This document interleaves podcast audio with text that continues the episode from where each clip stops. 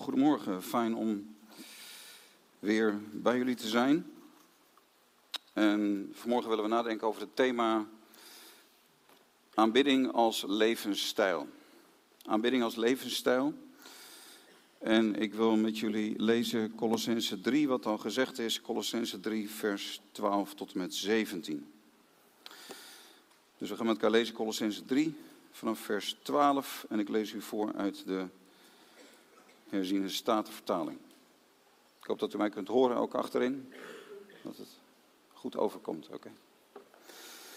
Colossense 3 vanaf vers 12. Bekleed u dan als uitverkorenen van God, heiligen en geliefden, met innige gevoelens van ontferming, vriendelijkheid, nederigheid, zachtmoedigheid, geduld. Verdraag elkaar en vergeef de een de ander als iemand tegen iemand anders een klacht heeft. Zoals ook Christus u vergeven heeft, zo moet ook u doen. En doe boven dit alles de liefde aan, die de band van de volmaaktheid is.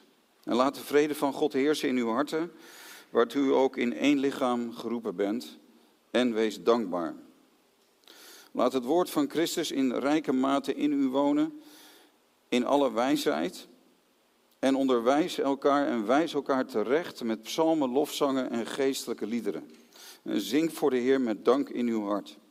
En alles wat u doet, met woord, met woorden of met daden, doe dat alles in de naam van de Heer Jezus, terwijl u God en de Vader dankt door Hem. Tot zover.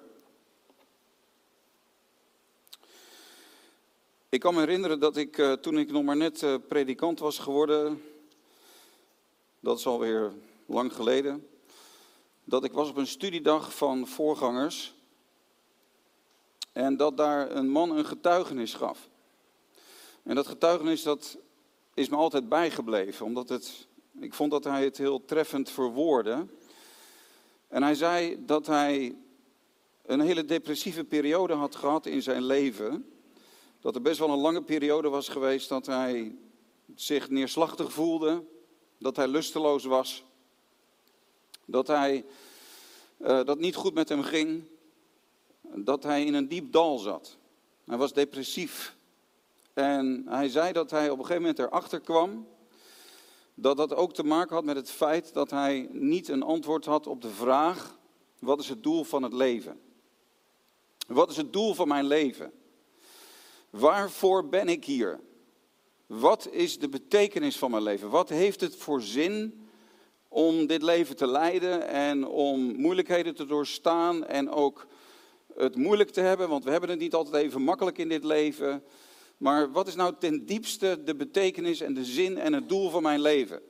En daar had hij geen antwoord op. En dat was mede een reden van zijn depressie. Ik weet niet of hij toen al gelovig was of niet. Maar in ieder geval is hij daarna tot veel dieper geloof gekomen. En hij zei dat hij antwoord had gekregen op die enorme diepe vraag, die voor ons allemaal natuurlijk speelt. Die voor ons allemaal een vraag is van wat is nou ten diepste het doel van mijn bestaan. En hij zei dat het antwoord op die vraag hem echt geholpen had om uit zijn depressie te komen. En hij zei toen als volgt, hij verwoordde het als volgt, hij zei, ik kwam erachter dat mijn leven zin heeft naar Hem toe. Ik kwam erachter dat mijn leven zin heeft naar God toe. Hij begon te ontdekken dat hij voor de Heere God mocht leven in wat hij deed. In alles wat hij deed. En dat gaf rust en vrede. Er is een gereformeerde geloofsbelijdenis in de Anglikaanse kerk. Dat is de zogenaamde Westminster Catechism. En dat is net zoiets als de Heidelbergse catechismus. Die werkt met vraag en antwoord. En de eerste vraag die gesteld wordt in de Westminster Catechism is: What is the purpose of man? Wat is het doel van de mens? En het antwoord dat gegeven wordt in deze catechismus is: Het doel van de mensen is om God te verheerlijken en voor eeuwig van Hem te genieten. Het doel van de mens is om God te verheerlijken. Deze man kwam erachter, mijn leven heeft zin naar God toe.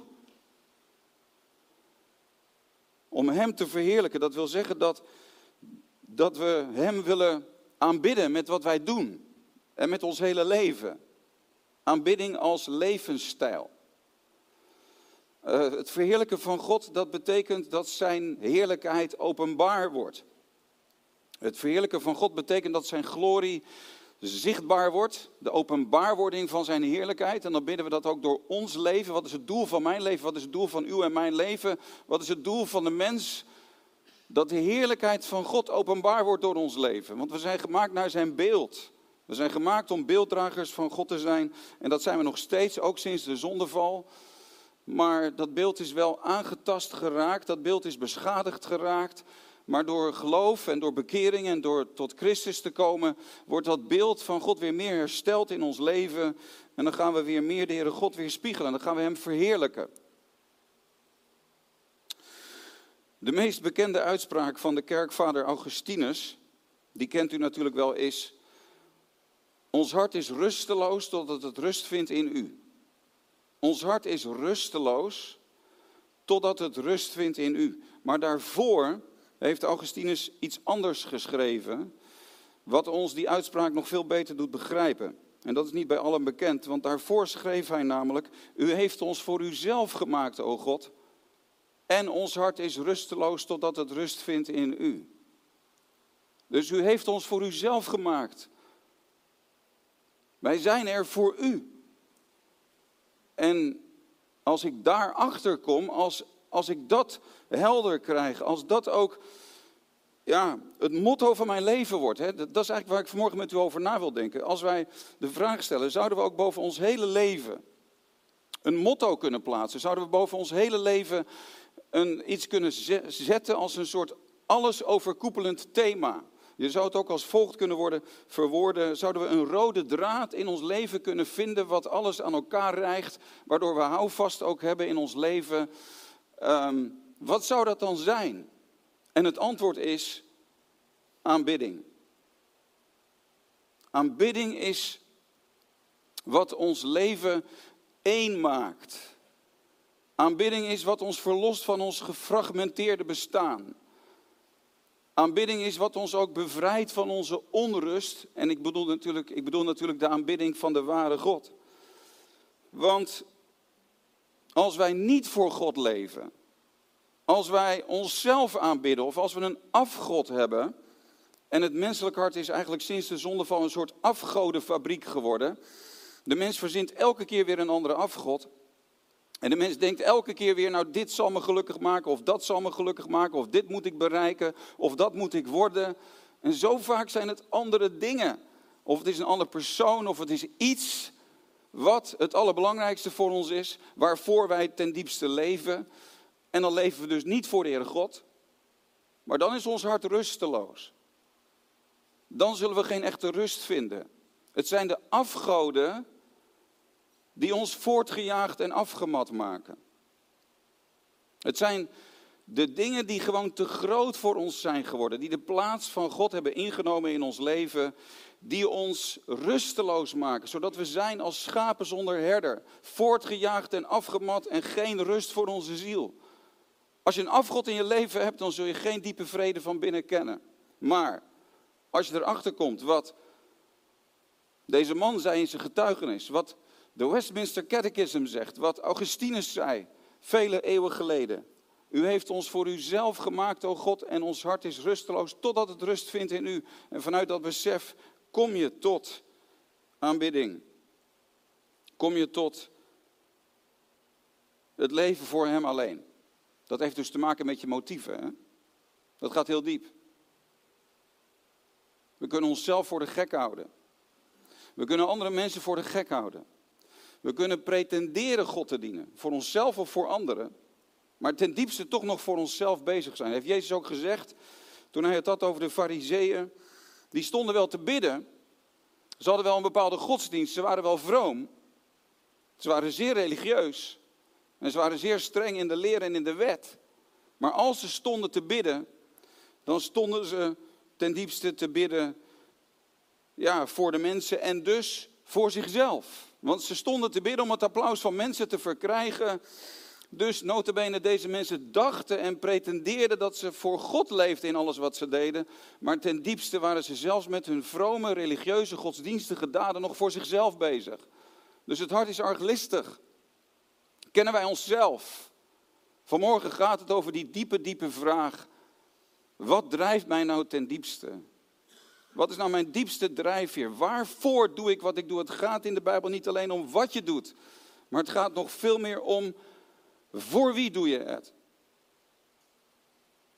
En als wij vanmorgen terugkomen met elkaar samen en individueel, als wij terugkomen tot louter aanbidding van de Heer onze God. Als wij komen tot aanbidding als levensstijl, dan zullen we heel veel rust vinden. Dan zal er ook tevredenheid komen. Dan, dan zullen we ons lot gewoon veel beter kunnen accepteren. Als je vanmorgen hier misschien zit en je zegt: Ik ben gefrustreerd. Ik baal. Ik ben teleurgesteld. Mijn dromen is niet uitgekomen. Mijn verwachtingen zijn niet uitgekomen. Mijn gebeden zijn niet verhoord. Misschien zit je vanmorgen wel hier en is er eigenlijk diep van binnen best wel veel boosheid. Omdat je gewoon het leven zoals het zich heeft ontwikkeld tot nu toe moeilijk te accepteren vindt. Maar dat is, ik zeg niet dat dat niet mag. Je mag moeite hebben met het leven. Maar ik geloof wel dat voor ons allemaal het komen tot, tot aanbidding, dat we gewoon echt ons zo overgeven aan de Heere God, dat we zeggen, Heere, ik wil gewoon voor u leven. De fijne dingen, de moeilijke dingen, dus de, de overwinningen en de nederlagen, het succes en het falen, de dromen die uitgekomen zijn en de dromen die helemaal niet uitgekomen zijn fijne tijden meemaken, maar ook moeilijkheden doorstaan. Ik wil alles gewoon voor u doen. Dan geloof ik dat er veel meer rust van binnen zal komen. Dat we veel minder moeite zullen hebben met ons leven, met, met de omstandigheden. Dat we dat veel beter aan zullen kunnen, omdat we gewoon in alles zeggen: Heer, ik doe het gewoon voor u. Ik doe het voor u. En u leidt mij aan uw vaderhand door dit leven. En ik leef in alles voor u. Dat geeft echte rust. Nou, ik wil een paar dingen naar voren brengen vanuit Colossense 3 die ons dit nog wat meer specificeren. En in de eerste plaats, hoe kunnen wij dan van aanbidding onze levensstijl maken? Hoe krijgt dat gestalte? Hoe wordt dat werkelijkheid in ons leven?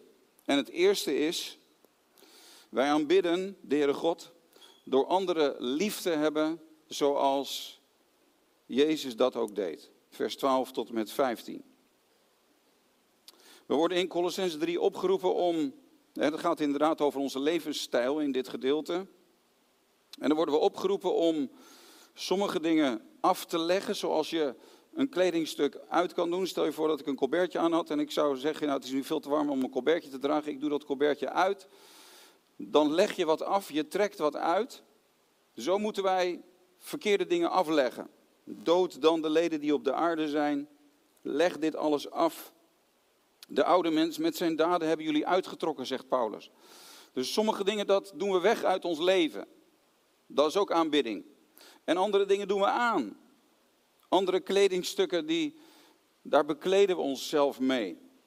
En dan is een hoofdnoemer in wat Paulus dan noemt in vers 12 tot en met 15 is de liefde. Doe boven dit alles de liefde aan die de band van de volmaaktheid is. Als we vanmorgen de vraag stellen, hoe kan mijn leven een loflied voor God zijn?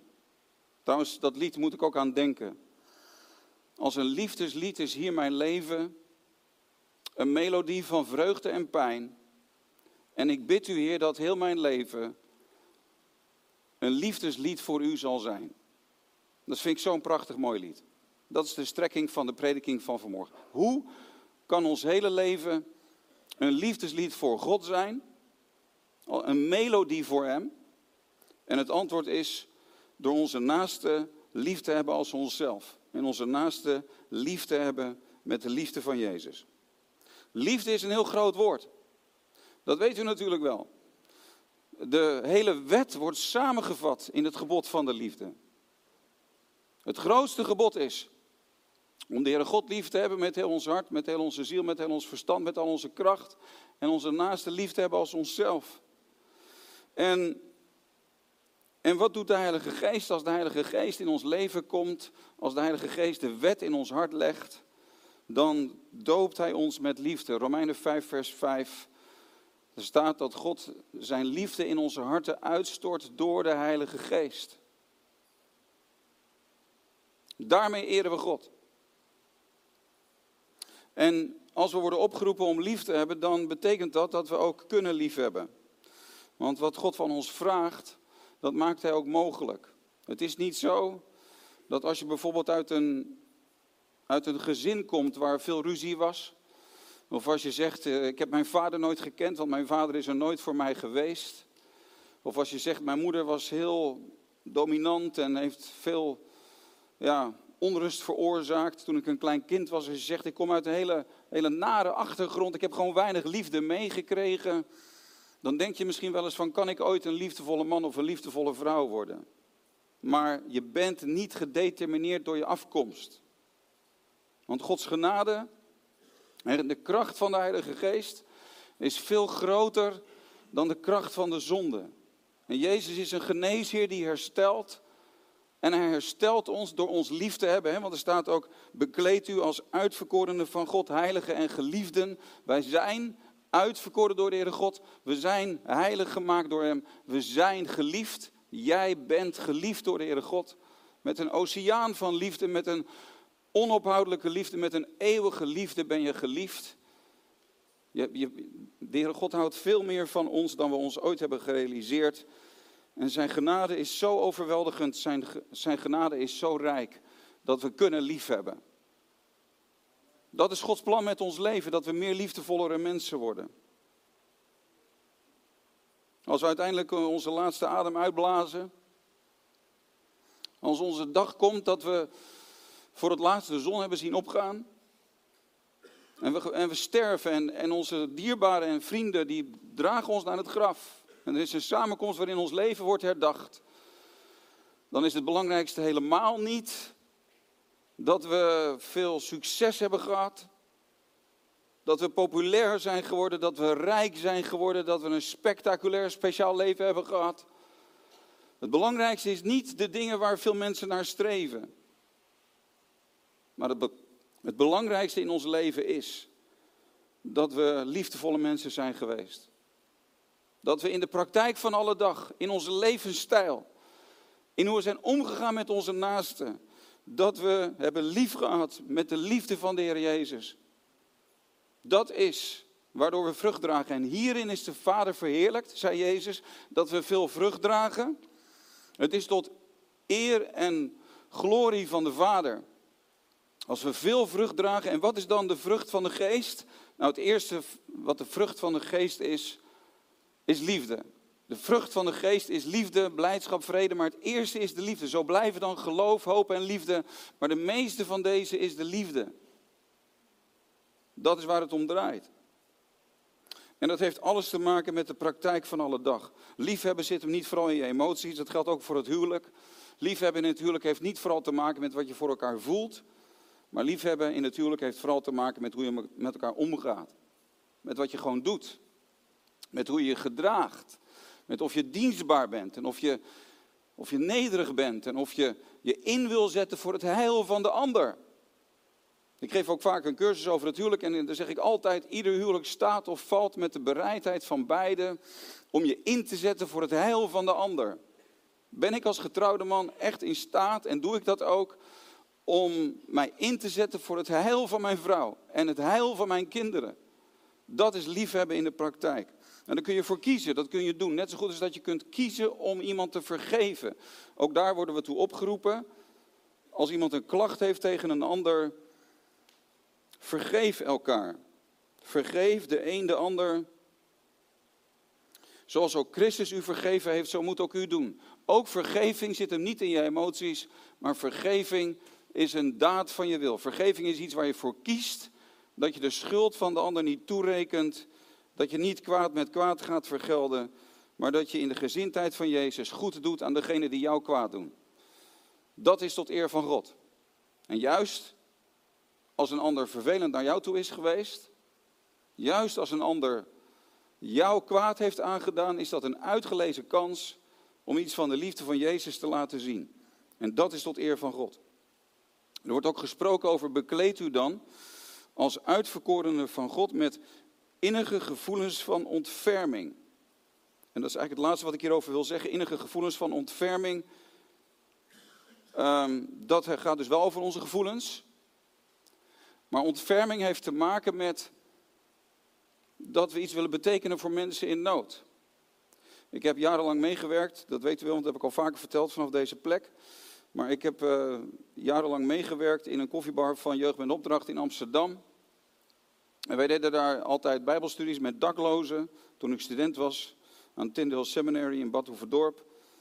En elke keer als ik daar dat halletje inliep, om dan rechts die koffiebar in te gaan, dus nog steeds nu een cafetaria, het heet nu Dwaze Zaken. Bij dat gebouw tegenover het Centraal Station, God roept u, Jesus loves you staat daar bovenop. Als je het Centraal Station van Amsterdam uitloopt.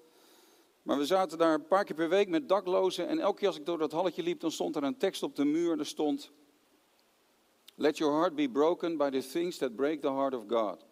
Laat je hart gebroken zijn door de dingen die het hart van God breken. Dat is innige gevoelens van ontferming. Dat is dat wij leven in een wereld waarin ontzettend veel mensen in nood zijn. Ook hier in Emmeloord en in de Noordoostpolder en op Urk. En in deze gemeente, overal. Ook wij zijn soms in nood. Iedereen heeft ontferming nodig. En wat is nou aanbidding als levensstijl? Dat we eh, gevoelens van ontferming hebben. Dat ons hart gebroken is met de dingen die het hart van God breken. Dat de nood van de ander ons aan het hart gaat. En dat we niet als egoïsten in het leven staan. Dat we niet als inhalige mensen in het leven staan die alleen maar willen verkrijgen en, en verzamelen en ontvangen. En alleen maar gezegend willen worden. Maar dat wij door de gezindheid van Christus, door zijn geest in ons, omdat hij in ons woont, dat we echt iets willen betekenen voor onze medemens. Dat we ons willen inzetten voor onze medemens. We moeten misschien eens de vraag stellen aan onszelf. Hoeveel geef ik eigenlijk om een ander? Gaat het me nou werkelijk ook om de ander in alles wat ik doe? Of gaat het me eigenlijk ten diepste alleen maar om mezelf? En we worden vrij. Vrij van al dat lelijke, vrij van al dat egoïstische, als we gewoon oog krijgen voor de nood van onze medemens en onze medemens tot zegen willen zijn. In kleine en grote dingen. Dat kan ook zijn door gewoon even naar iemand te luisteren en aandacht te hebben. Of er voor iemand te zijn, of een arm om iemands schouder heen te slaan. Of gewoon een liefdevol woord te spreken, iemand te bemoedigen. Dat kan op duizenden manieren, maar dat is aanbidding als levensstijl. Om te helpen de noden van een ander te lenigen. Om te helpen voorzien in de noden van een ander. Het is zaliger te geven dan te ontvangen. Het tweede wat naar voren komt in Colossense 3 is vers 16. Laat het woord van Christus in rijke mate in u wonen, in alle wijsheid en onderwijs elkaar en wijs elkaar terecht met psalmen, lofzangen en geestelijke liederen. En zing voor de Heer met dank in uw hart. In de eerste plaats aanbidden wij door lief te hebben. In de tweede plaats aanbidden wij door het woord van Christus in rijke mate in ons te laten wonen. Door voortdurend te mediteren op het woord van God. Als je er filosofisch over nadenkt, dan is dat ook heel logisch. Want Stel dat je straks eh, in de gang of achter in de hal of eh, in de koffieruimte dat iemand dat je met iemand staat te praten en de ander die wil wat tegen je zeggen, de ander vertelt wat aan jou en je luistert helemaal niet. Je, ja, je keert je gezicht af of je kijkt de ander helemaal niet aan of je bent in je gedachten met hele andere dingen bezig. Je hebt eigenlijk helemaal geen oor voor wat de ander tegen je wil zeggen. Dat is niet respectvol. Dat is niet eerbiedig naar de ander toe. Het is een vorm van eerbied om naar een ander te luisteren. Je geeft ook een ander iets als je echt naar iemand luistert. Goed luisteren is een kunst. Om echt ook het hart van de ander te gaan begrijpen en te gaan begrijpen waarom iemand wat zegt, dat wat, wat de ander wil zeggen achter de woorden die hij of zij uitspreekt. Maar goed luisteren naar een ander is een vorm van respect tonen. En dat is ook naar God toe. De Heere God spreekt. Dat is een van de meest genadevolle dingen van onze God. Van de God van Israël. Eertijds heeft hij op vele wijze door de profeten gesproken. In het laatste dagen heeft hij gesproken door de Zoon. En Jezus is het woord van God. En hij sprak niet alleen, maar hij spreekt ook vandaag de dag. En hij heeft ons zijn woord gegeven. En als we ons verdiepen in de Bijbel, als we ons verdiepen in de Heilige Schrift, dan is dat luisteren naar het woord van God. Maar als wij ons gezicht afwenden en als we, onze, als we alleen maar in onze gedachten met andere dingen bezig zijn, en als we helemaal niet willen kijken naar de Heer, er bestaat zoiets als de Heer voor ogen houden, naar Hem kijken. Maar als we dat helemaal niet doen, als we alleen maar onze eigen gang gaan, terwijl Hij tot ons wil spreken, dan is dat niet tot, tot lof van Hem, dat is niet eerbiedig.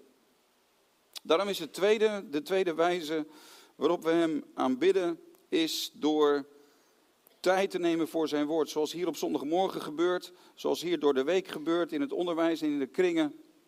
En zoals gebeurt als we alleen zijn en als we alleen met ons Bijbeltje gewoon ergens gaan zitten en even de tijd nemen om al die andere stemmen tot zwijgen te brengen en te zeggen, Heere God, wat wilt u tegen mij zeggen? Heere God, ik wil naar u luisteren. Spreek, Heer, uw dienstknecht luistert. Ik verlang naar uw woord. Ik kan niet leven van brood alleen, maar van ieder woord dat uit uw mond komt. Ik heb dat brood nodig om uw stem te verstaan. Psalm 1 zegt, welzalig de man, welzalig de vrouw, die zijn woord overpijnst bij dag en bij nacht. Welzalig. O, het geluk van degene die dat doet. Dat is ook aanbidding als levensstijl. Het woord van God maakt alle verschil. Het woord van God voedt ons. Het woord van God maakt levend. Het woord van God is als een licht op ons pad. En dan gaan we met de psalmisten zeggen, hoe lief heb ik uw wet, hoe lief heb ik uw getuigenissen, hoe lief heb ik uw woord. Geef mij dat woord. Dit woord is veel en veel kostbaarder dan zilver en goud. Je kunt keihard werken om een heleboel geld te verdienen. En je kunt op het einde van je leven kun je misschien zelfs al miljoenen hebben. Maar het is niks waard als je, als je niet ook rijk wordt in God. Het is niet een zonde om rijk te worden. Heel wat mensen in de Bijbel waren rijk. Het is niet verkeerd om rijk te worden. Maar als je rijk wil worden, en als dat het doel van je leven is, dan ben je een armzalige man. Dan ben je een armzalig mens. Want dwaas is degene die alleen maar rijk wil worden in deze wereld en niet rijk wil worden in God. En Daarom mogen we ons uitstrekken naar de rijkdom die de Heere God geeft. Zoek eerst zijn koninkrijk en zijn gerechtigheid. En al het andere zal je bovendien geschonken worden. Nou, er wordt hier ook gezegd in dit vers dat, dat we ook elkaar onderwijzen. Dus we mogen elkaar onderwijzen. Maar er staat hier dat dat ook gebeurt door psalmen, lofzangen en geestelijke liederen te zingen. Met andere woorden, zingen met elkaar is ook onderwijzing. We moeten niet denken dat wat we net hebben gedaan aanbidding is en dat dit alleen maar onderwijzing is. Nee, wat we nu doen, ons verdiepen in Gods woord, is ook aanbidding. En wat we net gedaan hebben, zingen, is ook onderwijzing. Zowel zingen als prediking en onderwijs zijn zowel aanbidding als onderwijzing. En dus door liederen te zingen onderwijzen we elkaar, zegt deze tekst. Dat betekent dus ook dat we kritisch moeten zijn over wat we zingen. Soms denk ik dat er te weinig theologische weerbaarheid is tegen liederen die bepaalde dingen communiceren die eigenlijk niet overeenkomen met wat de Bijbel zegt. Ik denk dat we ook moeten nadenken over wat de liederen leren. Want voor veel mensen is het misschien zo dat, dat de liederen zelfs al meer invloed hebben op hun geloof en op hun theologie en op hun begrijpen van, van het evangelie dan prediking en onderwijs. En daar moeten we daar ook kritisch met elkaar over nadenken. En ik wil nog één opmerking maken en dan ga ik naar mijn laatste punt. Maar er staat hier ook dat we ook elkaar terecht moeten wijzen. Wat, wat is tot eer van God? Het is ook tot eer van God. Als we elkaar terechtwijzen. Nou, het eerste punt wat ik vanmorgen heb gemaakt, hè, namelijk de liefde. Een ander liefhebben, je inzetten voor de ander. Iedereen in de wereld die een beetje gezond verstand heeft, die zal dat van harte beamen. Ook in onze cultuur en maatschappij. De oproep om lief te hebben zal iedereen zeggen: goed, prima.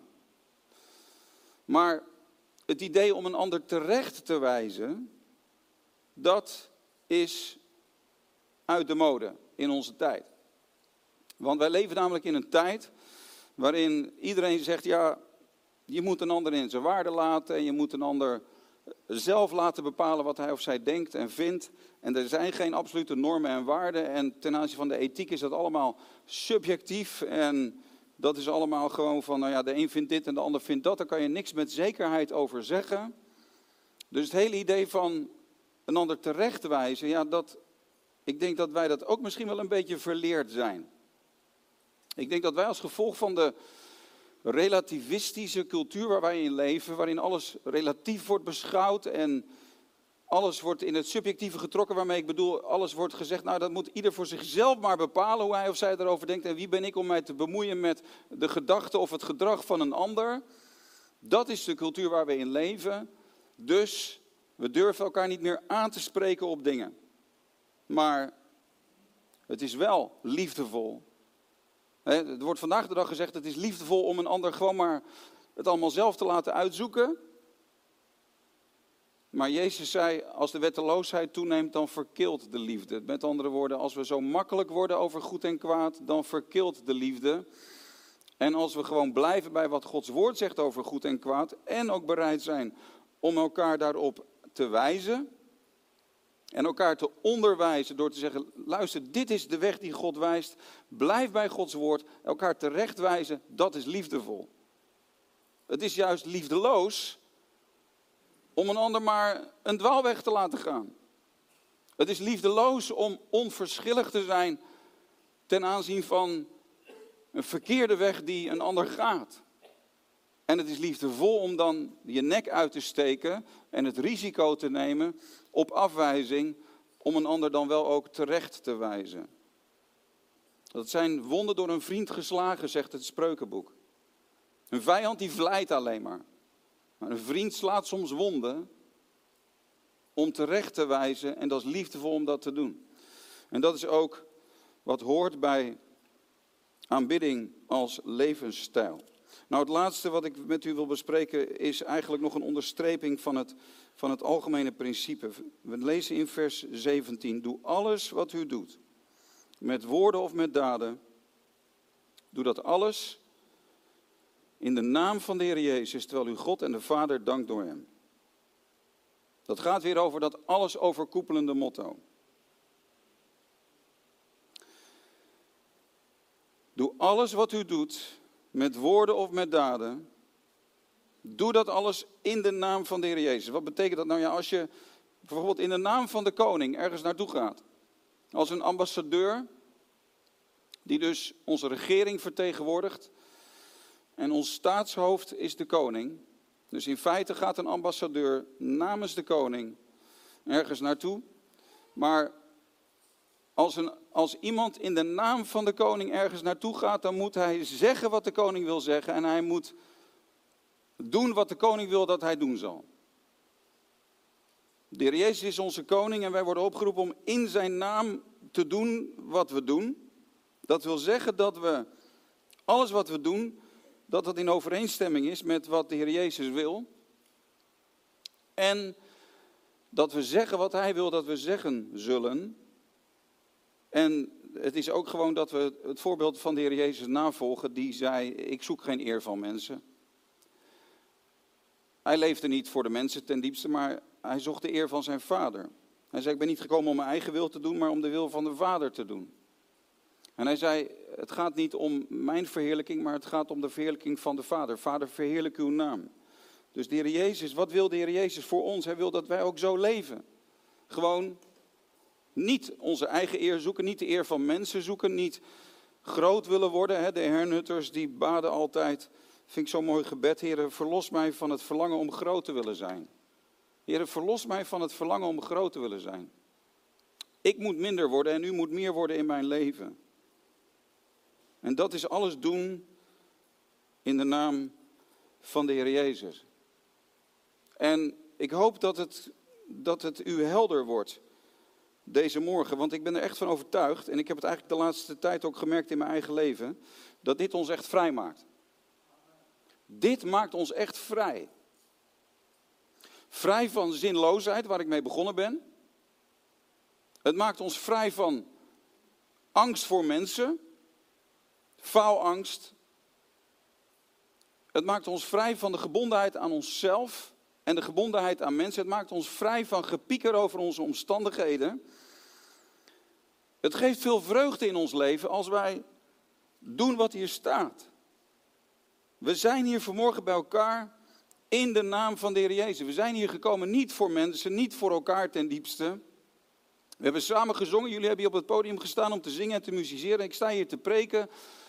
Al deze dingen niet voor onszelf ten diepste, maar voor Hem. Dat maakt vrij. En als we straks deze zondag ontvangen van de Heer en wat we verder vandaag gaan doen, dat we gewoon bij alles zeggen, Heer, ik leef nu om U te aanbidden. Ik leef nu om U te aanbidden. Ik wil afsluiten met een voorbeeld van een man die heel bekend is geworden. Hij leefde in de 17e eeuw. Hij was een, een bediende in de keuken van een klooster. Er waren monniken in dat klooster en er waren, allemaal, waren andere mensen die in die keuken werkten. Maar hij was niet kok, hij, was niet een, een, had niet een hoge positie in die keuken. Hij was een dienaar van het keukenpersoneel en hij was een dienaar van de monniken. Hij noemde zichzelf een dienstknecht van de dienstknechten van God. En zijn naam was broeder Laurentius. En hij, hij maakte aantekeningen over hoe hij God leerde kennen en dat hij de smaak te pakken kreeg van alles doen voor de Heer. En hij ontwikkelde steeds meer een besef van Gods aanwezigheid in zijn leven. En iemand anders heeft later een boekje geschreven over zijn, de dingen die hij zelf heeft opgeschreven en de dingen die hij heeft gezegd. Iemand die hem kende, die sprak met hem en die heeft toen gezegd, hij zei dit en dat. En dat boekje is, is uitgegeven en dat is al 400 jaar lang is het al een boekje dat christenen over de hele wereld bemoedigt. En dat boekje heet Besef van Gods tegenwoordigheid. In het Engels heet het Practicing the Presence of God. Besef van Gods tegenwoordigheid. Luister naar een paar citaten uit dit boekje. Hij vertelde mij dat hij zich steeds door liefde had laten leiden. Zonder enige bijbedoeling. Zonder zich druk te maken over of hij succesvol zou zijn of niet. Hij had zich ten doel gesteld om al zijn daden te verrichten uit liefde tot God. En hij had zich daar heel goed bij gevoeld. Hij was tevreden. Wanneer hij een strootje van de grond kon oprapen uit liefde tot God. Dus hij werkte daar in die keuken en er viel wat op de grond en er was rommel. En hij leefde gewoon, hij probeerde altijd zich bewust te zijn van Gods aanwezigheid en dat hij voor het aangezicht van God wandelde. En als hij dan wat troep van de grond opraapte, dan deed hij dat uit liefde tot God. Ja, niet altijd bewust, maar dat was een soort basisoriëntatie in zijn hart geworden. Het gaat er niet om dat je chef-kok bent of dat je de, de oppermonnik bent in het klooster. Het gaat niet om je positie, het gaat niet om je status en je aanzien in het leven. Maar het gaat erom of je een aanbidder bent geworden. En hij, hij aanbad God met het opruimen van de troep in de keuken. Nog een laatste citaat. In het begin moeten wij ons wat inspannen om in onszelf de gewoonte aan te kweken om onophoudelijk met God te praten en om besef van zijn tegenwoordigheid te hebben en hem te vertellen wat we doen. Maar als je een beetje je best doet, dan voel je hoe je zonder enige moeite door zijn liefde wordt aangevuurd. Dus in het begin moet je jezelf ertoe zetten. Moet je jezelf wat inspanning getroosten om met God te blijven praten gedurende de dag. En om ook besef van zijn tegenwoordigheid te krijgen. En dus vanuit besef van zijn tegenwoordigheid ten diepste zeggen, Heer, ik doe het voor u. Maar als je dat leert, als je dat gaat doen, dan merk je steeds meer dat je door zijn liefde wordt aangevuurd. Nou, dat is waar het om gaat. Dat is aanbidding als levensstijl. Ik hoop dat het u helpt. Ik hoop dat u bemoedigd wordt. Wij zijn dienaren en dienaressen van de Allerhoogste God. Aanbidding betekent in het Hebreeuws onderwerping. Neerbuigen voor Hem. Aanbidding betekent gewoon dat als u morgen weer naar uw werk gaat, en als u in de auto zit, en als u met mensen praat, en als u achter uw computer zit, of als u in het huishouden bezig bent, of als u uw rekeningen betaalt, of wat u ook zult doen deze week, vandaag en morgen en overmorgen, dat we het mogen doen voor Hem. Dat geeft zoveel rust, zoveel vrede, blijdschap en, en ook, uh, weet je, dat maakt ons vrij van al die dingen die ik heb genoemd. Zo mogen wij de weg van de Heer gaan. Geprezen zij zijn wonderbare naam. Ik wil graag kort met u bidden.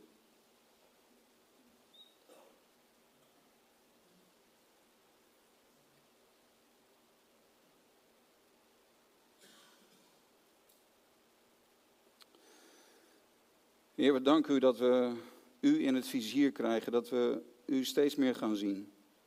We danken u, Heer, dat u zich aan ons openbaart.